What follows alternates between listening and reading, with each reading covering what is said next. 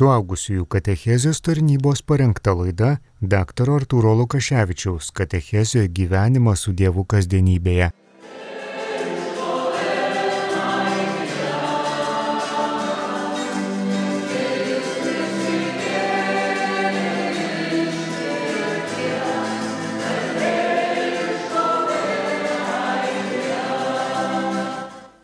Šiandien susitikimo tema yra gyvenimas su Dievu kasdienybėje. Žvelgime į krikščionybę, tikėjimo tiesas, maldingumą, sakramentus, moralę žvelgime, e, apžvelgime ir dabar reikia kažkaip tai viską užbaigti. Tai pavadinkime tą užbaigą mūsų paskutinį susitikimą gyvenimas su Dievu kasdienybėje. Ir kaipgi dabar tas gyvenimas su Dievu kasdienybėje galėtų ir turėtų atrodyti. Tai labai plačiai, labai daug čia galima šnekėti įvairiai, aš pasirenku tris tokius aspektus, kuriuos su jumis dabar ir norėsiu aptarti.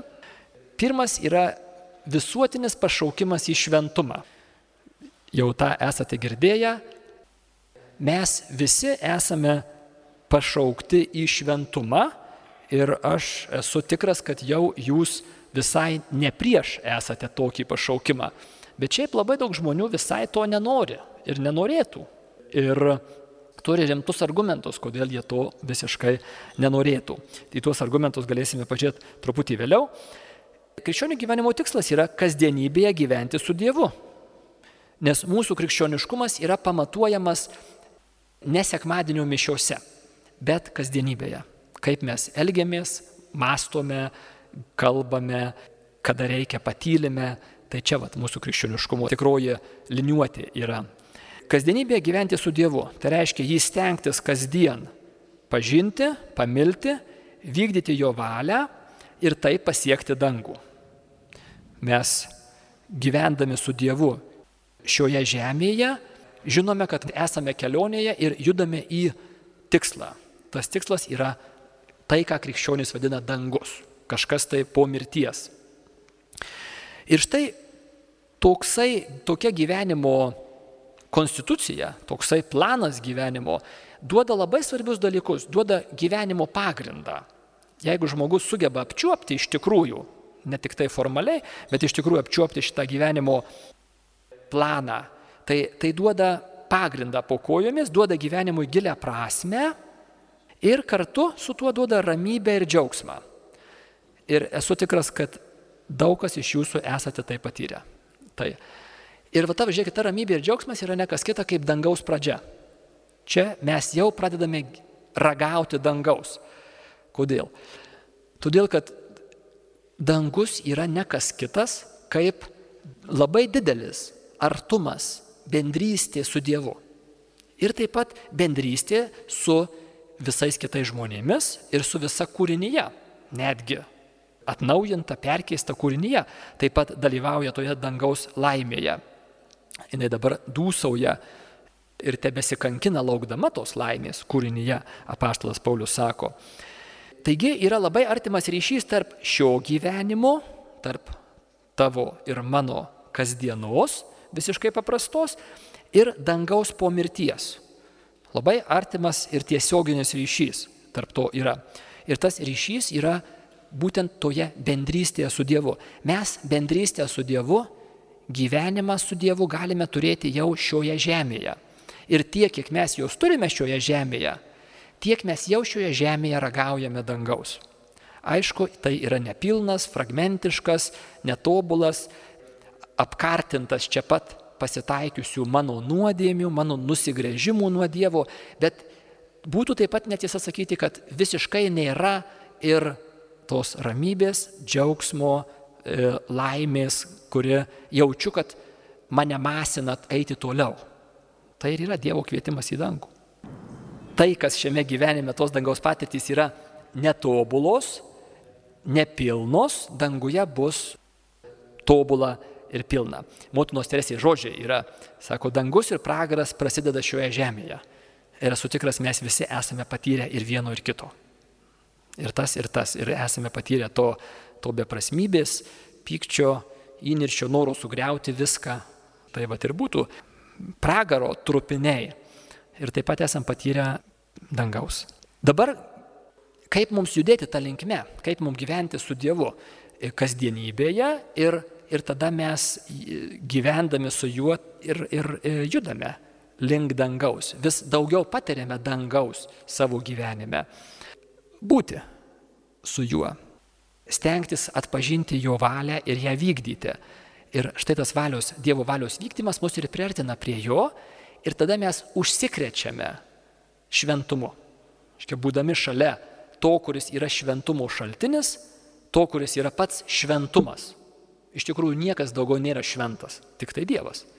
Ir visi, kurie turi kažkiek tai šventumo, tą šventumą gauna iš to vieno šaltinio, iš Dievo.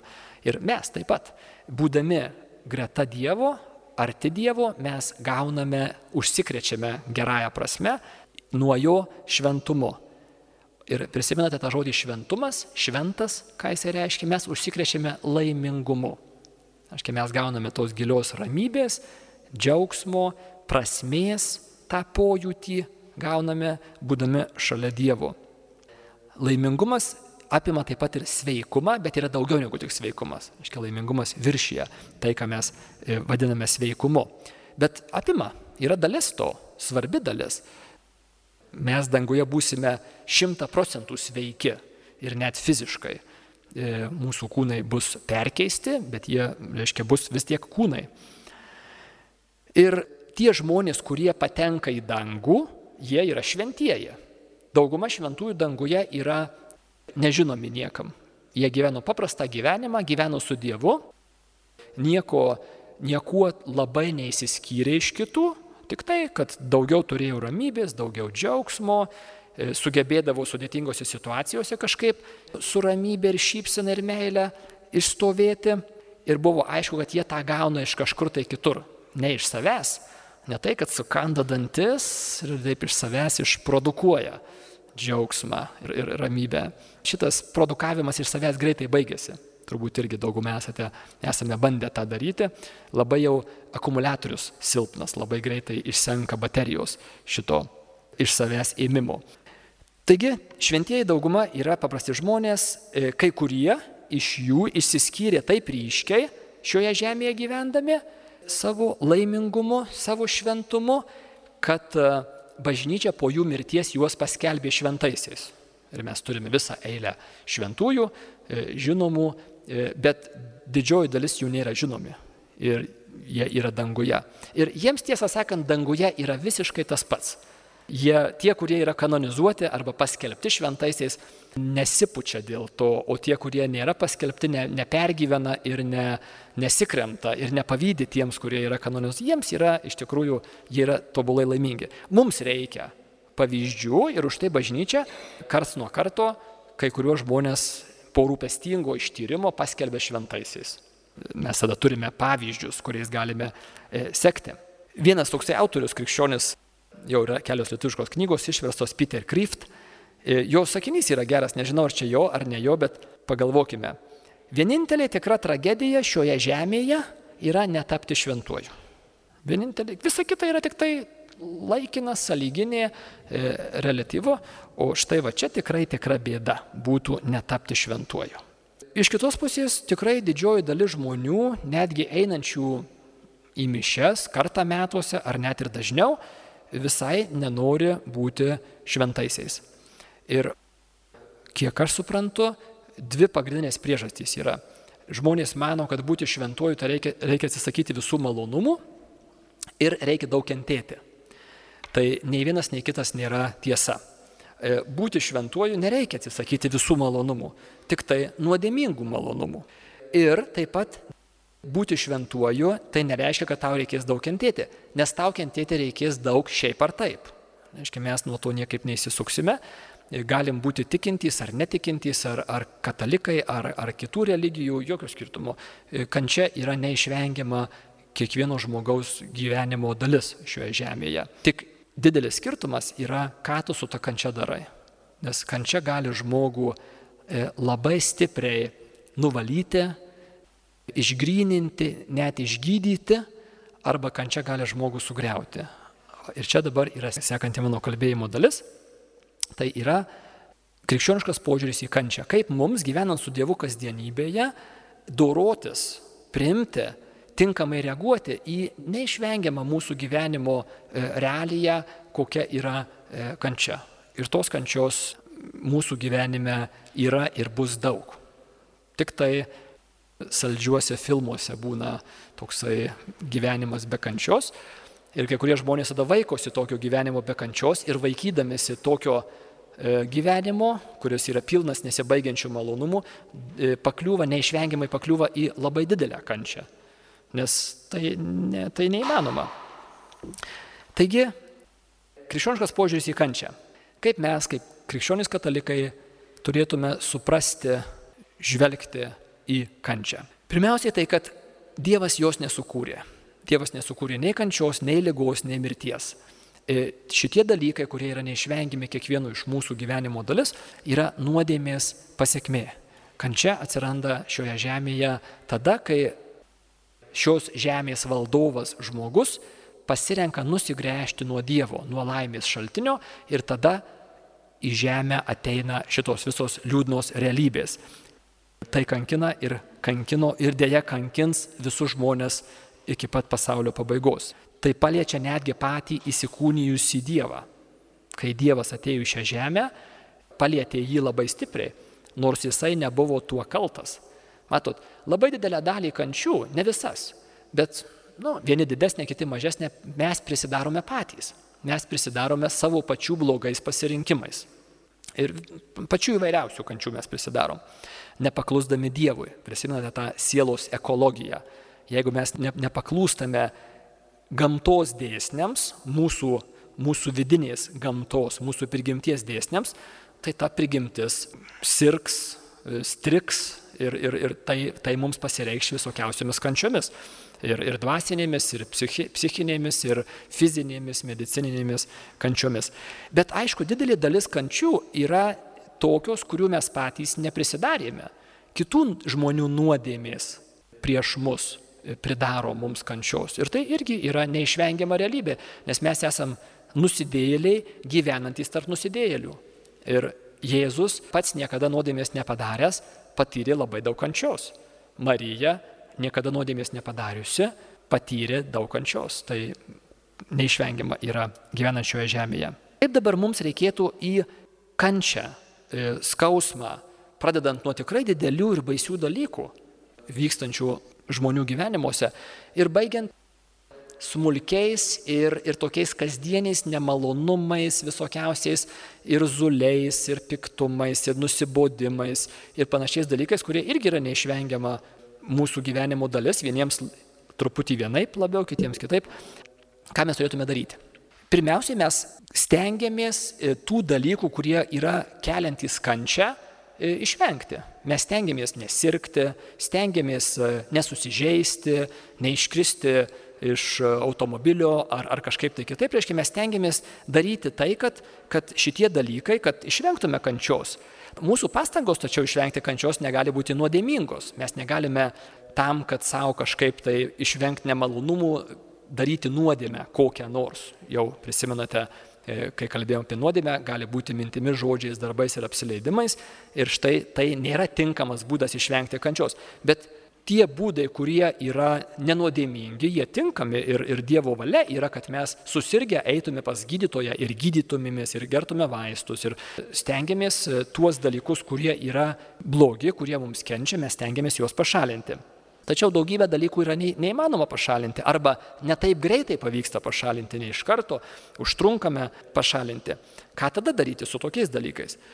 Ir e, tada aš tuos dalykus turiu priimti kaip dievų vaikas, kaip žmogus, kuris gyvenu, žinau, kad gyvenu tremtyje, čia nėra mano galutiniai namai ir aš šioje tremtyje patiriu, patirsiu neišvengiamai dalykų, kurie man nepatiks pradedant nuo smulkių ir baigiant labai baisiais dalykais, gali, gali dėja e, nesame apsaugoti.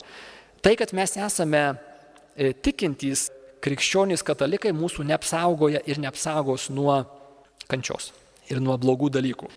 Jėzus buvo artimiausioje bendrystėje su Dievu, pačioj artimiausioje bendrystėje su tėvu. Dialogas su tėvu vyko nenutrūkstamas. ir jisai neišvengė kančios. Marijos tikėjimas buvo ypač stiprus ir gyvas, jinai neišvengia kančios. Tai nėra teisingas požiūris į tikėjimą kaip tokį, nuo šiol man gyvenime puikiai seksis, nes aš esu tikintis. Ne. Dalykai įvyks dėja, kurie man tikrai nepatiks ir tikėjimas nėra, nėra amuletas apsaugoti mane nuo nelaimių. Ne. Čia būtų visai kitoks požiūris, maginis požiūris, e, kuris į tikėjimą, jo praktikas žvelgia kaip į, kad sektųsi. Ir taip pat nemažai žmonių eina į krikščionišką įtikėjimą, priima sakramentus, krikštie vaikus, e, priima santokos sakramentą, kad sektųsi. Bet jis neteisingas. Reiškia, požiūris, šitas požiūris nebus taip. Bus visai. Taigi, ką dabar daryti man su tais dalykais, kurie vyksta mano gyvenime neišvengiamai ir man nepatinka?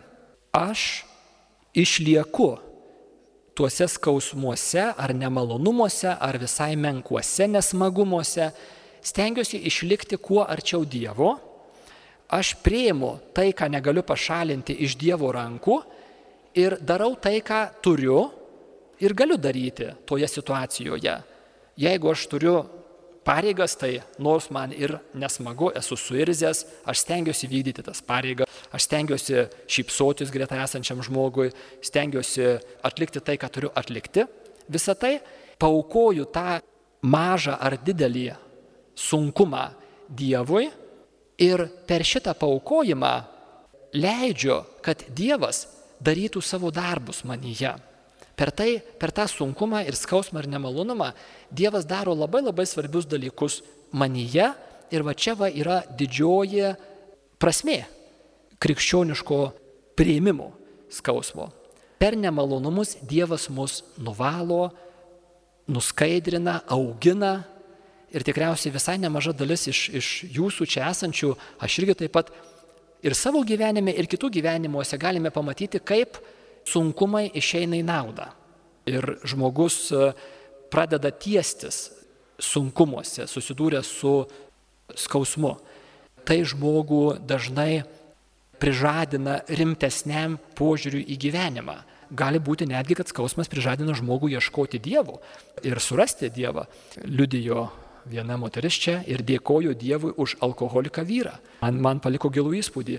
Sakė, jeigu aš būčiau neturėjusi to alkoholiko vyro, tai aš ir iki šiol būčiau užsidariusi tame savo dideliam teisume ir pasitenkinėme savimi. Ir va čia yra tikra tiesa. Tačiau iš kitos pusės pastebėkime, nekančia mus išgelbėja. Nes taip pat turbūt nesunkiai galėtume savo atminti prisiminti žmonių, kurie patyrė daug kančios gyvenime ir tapo irzlus, pikti, apkartę, nelaimingi patys ir nelaimingus aplinkinius darantys. Ir kodėl dabar taip yra, kad vieni į kančią sureaguoja štai, priema kančią kaip kelinti ir statanti ir valanti dalyką, o kiti priema ir kančia būna greunanti ir sugriaunanti. Tai nekančia mus išgelbsti ir nekančia mus užlugdo. Mūsų užlugdo arba išgelbsti tai, kaip mes ją priimame. Arba kitaip sakant, ar aš sugebu išlaikyti teisingą santykį su Dievu. Ir jeigu aš sugebu išlaikyti teisingą santykį su Dievas išgelbsti. Ir Dievas gelbsti ir stato ir ugdo mus per viską. Ir per mūsų džiaugsmus, ir per mūsų skausmus. Ir per tai, kas mums patinka, ir per tai, kas nepatinka. Jeigu mes esame vienybėje su juo, jeigu mes tengiamės ieškoti Dievo valios, ją vykdyti, tai tada viskas išeina į gerą mylintiems Dievą netgi sunkumai. Bet jeigu aš nusigrėžiu nuo Dievo, tai tada tikrai kančia gali būti labai labai sugriaunanti, viltį atimanti, gyvenimo beprasmybę, nustumianti į gyvenimo beprasmybę ir taip toliau. Bet štai čia šito vietoje mes matome krikščionio pergalę. Krikščionis yra pergalingas dėl Kristaus, ne dėl savęs, ne dėl savo nuopelnų ir stiprybės, bet dėl Kristaus nuopelnų ir stiprybės.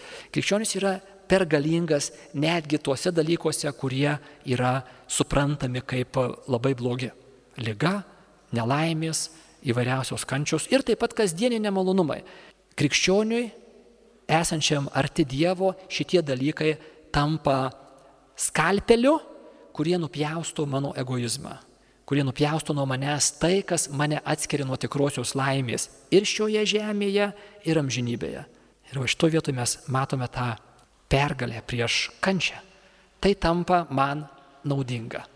Dėl Dievo, dėl to, kad Dievas naudoja šitą skalpelį mane išlaisvinti nuo to, kas yra mano paties laimės, tikrosios laimės, labai realios laimės didžiausias priešas.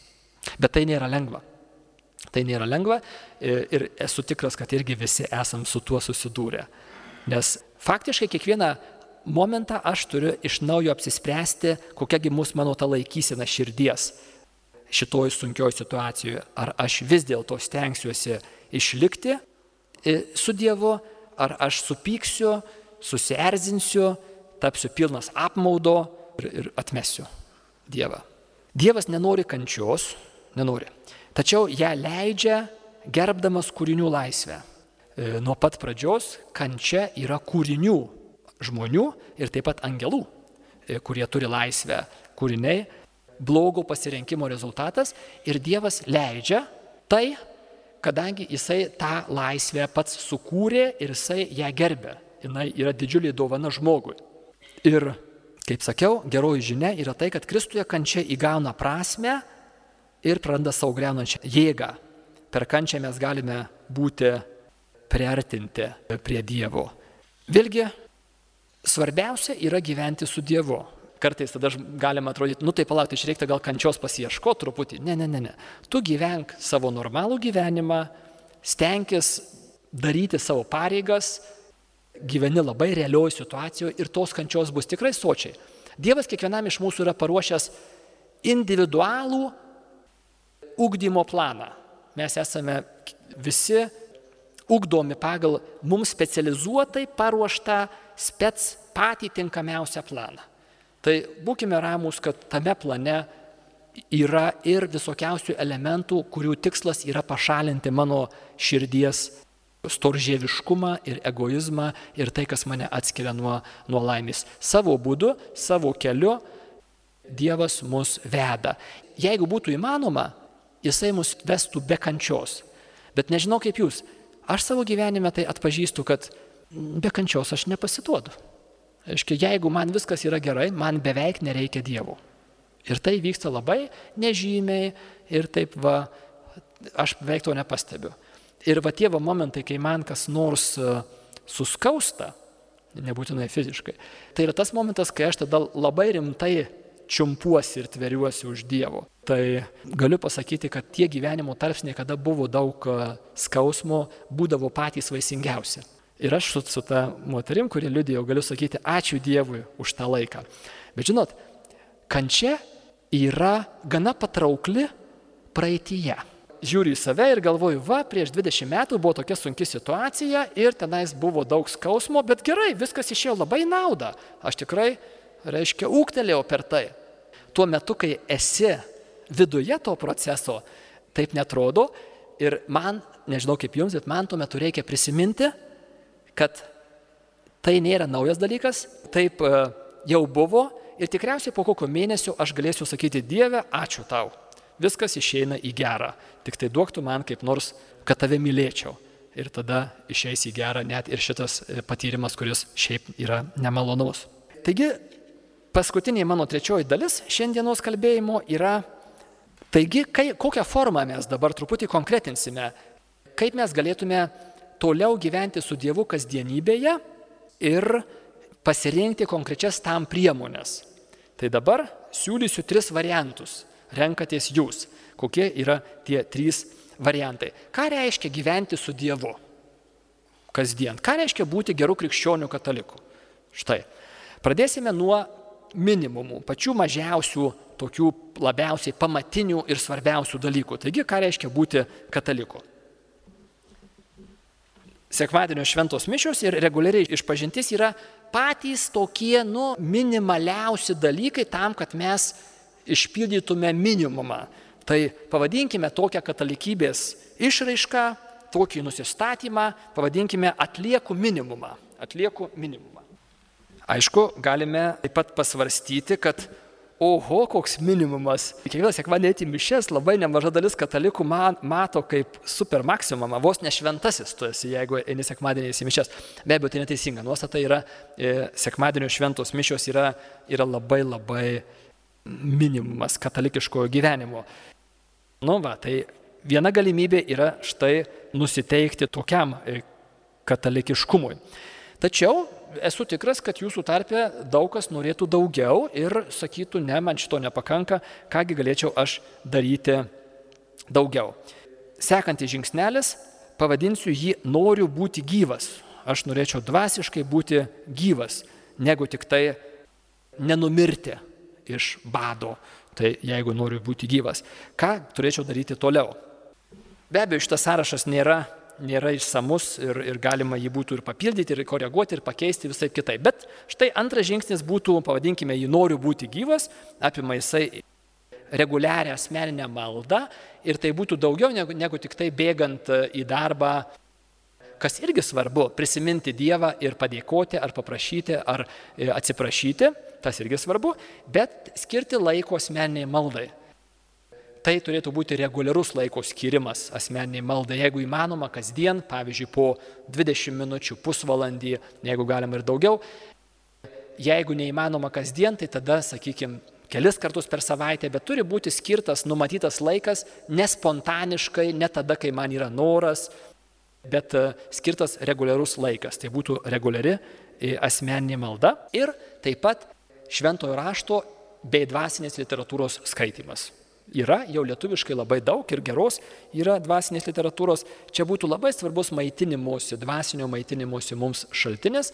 Faktiškai rimtai gyvenantis krikščioniškai gyvenimą katalikas turėtų pastoviai ką nors skaityti. Aiškiai, turėtų, turėtų, turėtų pastoviai kokią nors dvasinę knygą, šventą raštą, nu, nes čia yra maitinimasis. Tai dabar kaip bus, jeigu aš maitinsiuosi kartą į mėnesį. Labai būsiu dvasiškai sukūdęs, nusilpęs. Trečiasis etapas, pavadinsime jį noriu aukti. O ką jeigu aš noriu ne tik tai būti gyvas, bet ir aukti? Tai būtų trečias etapas. Taigi trečioji katalikiškojo gyvenimo forma - noriu aukti, be pirmųjų dviejų apima taip pat ir nuolatinę krikščionišką bendrystę, tai yra maldos grupė arba kokia kita išraiška, kur renkasi krikščionys ir neformaliai bendrauja. Ką reiškia neformaliai? Šventos mišios irgi yra bendruomeniškumo, bendruomenio gyvenimo forma, bet ji yra formali, gerąją prasme formali. Ten yra forma iš ankstinė. O kur paklausti klausimus, kur išsiaiškinti neiškumus, e, aišku, ne mišiuose, reikia kažkur tai šalia. Tai mums reikalinga, reikalinga ar tai maldos grupė, ar kažkas tai kitas, kur aš galėčiau reguliariai pabūti tarp panašių į mane, krikščioniško gyvenimo kelionę keliaujančių žmonių, kad kartu su jais galėčiau keliauti. Faktiškai be šito yra neįmanoma keliauti krikščioniškos kelionės savo gyvenime. Tai visiems jums e, labai rekomenduoju susirasti ją. Kas, kasgi buvo šitie aštuoni mėnesiai katechumenato? Tai ir buvo pradžia. Ir tai turėjo duoti starto aikštelę, turėjo duoti jums paragauti galimybę, kas tai yra. E, ta krikščioniškoji bendrystė. Rekolekcijos tada yra kartą metuose, mums reikia šito. Faktiškai krikščioniškas gyvenimas yra toksai nuolatinis pasimaitinimas. Mums reikia turėti metuose tam tikrą laiko gabalą, kada mes būname tik su Dievu. Ir jeigu įmanoma, jeigu šeimos ir darbo pareigos leidžia, tai padarome tai. Tada mums reikia savaitėje turėti tokį laiką, kada mes tik tai su Dievu būnam. Ir, nu, nustatytas minimumas yra mišios. Bet tai yra per mažai iš tikrųjų. Nu, bet nu, nors tokį turėk tada. Jau čia būtų minimumas. Ir dienoj mums reikia turėti tokį pasibuvimą e, su Dievu, kur aš galėčiau vėl surinkti save išsibarščiusį iš, iš atskirų detalių, reiškia pasimetusį, surinkti save į visumą. Žodis rekolekcijos ir reiškia surinkimas, surinkti save iš naujo, Tai turim tokias va rekolekcijas turėti reguliariai, tai ir yra krikščioniško gyvenimo esmė faktiškai. Pirgime kelionė.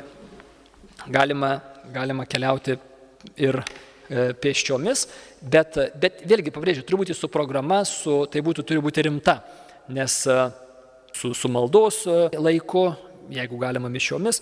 Dauguma iš mūsų nesame vienuoliai kontemplatyvūs, kurie, kurie galėtų skirti, reiškia, 8 valandas ar daugiau valandų vien maldai. Kai kurie žmonės yra pašaukti į tai ir labai gerai. Jų yra toksai gyvenimas, bet daugumos mūsų pasauliečių gyvenimas susideda iš tarnavimo Dievui labai kasdieniuose įprastuose darbuose, pareigose, kurios tiesiogiai su, su religija neturi. Vairuotojai, e, pardavėjai, darželių auklėtojai ir visokiausi kitokie. Tas darbas irgi yra Dievo plano pagerinti pasaulį dalis. Ir mes, kaip krikščionys katalikai, esame pašaukti ypač aktyviai dalyvauti. Ir todėl krikščionis geras savo pareigas atliks gerai. Tuo garbindamas Dievą, tuo duodamas garbę Dievui ir džiaugsmą žmonėms. Argi nesmagu, kai eini mieste ir matai, kad gatvė gražiai sutvarkyta, rūpestingai, buvo rūpestinga ranka čia pridėta. Tikrai yra malonu ir smagu.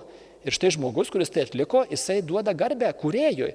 Jeigu jisai tą daro samoningai, kaip krikščionis, tai jo darbas tampa malda. Ir mes esam pašaukti visi į tai. Mes esam pašaukti bendrauti su Dievu E, labai kasdieniuose, darbiniuose, rūpeščiuose, sudėtingose situacijose, šeimininėse ir, ir, ir taip toliau. Ir va čia mes esame tas evangelinis raugas, kuris turi įrauginti savo aplinką, kur turi užkrėsti tą aplinką ramybę, džiaugsmu ir tais kitais dalykais, kurių pasaulis iš savęs neturi. Nes pasaulis yra labai nesaugus. Pasaulyje džiaugsmo tikro džiaugsmo labai nedaug ir aš nežinau, ar iš viso yra.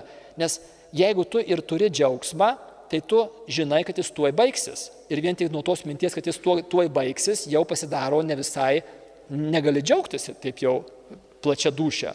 Arba tu dabar turi sveikatą ir labai gerai, bet tu žinai, kad ta sveikata gali labai greitai baigsis. Esi gražus, jaunas ir žinai, kad tai yra labai laikina. Ir vien tik nuo to, nuo to žinojimo ne, tas nesaugumo, tas, tas čiupimo, tokio karšlygiško naudojimo, e, kuriame džiaugsmo ir laimės jau yra mažai.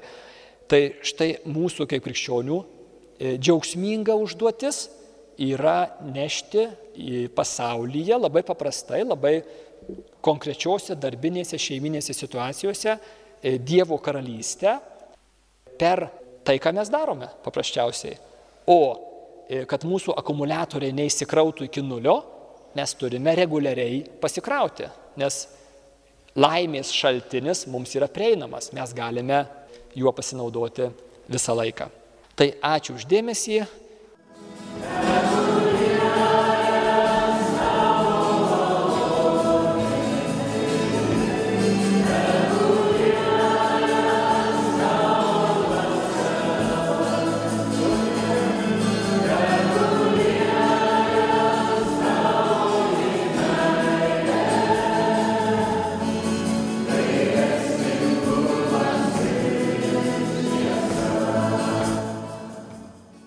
Girdėjote dr. Artūro Lukaševičiaus katechezę gyvenimą su Dievu kasdienybėje.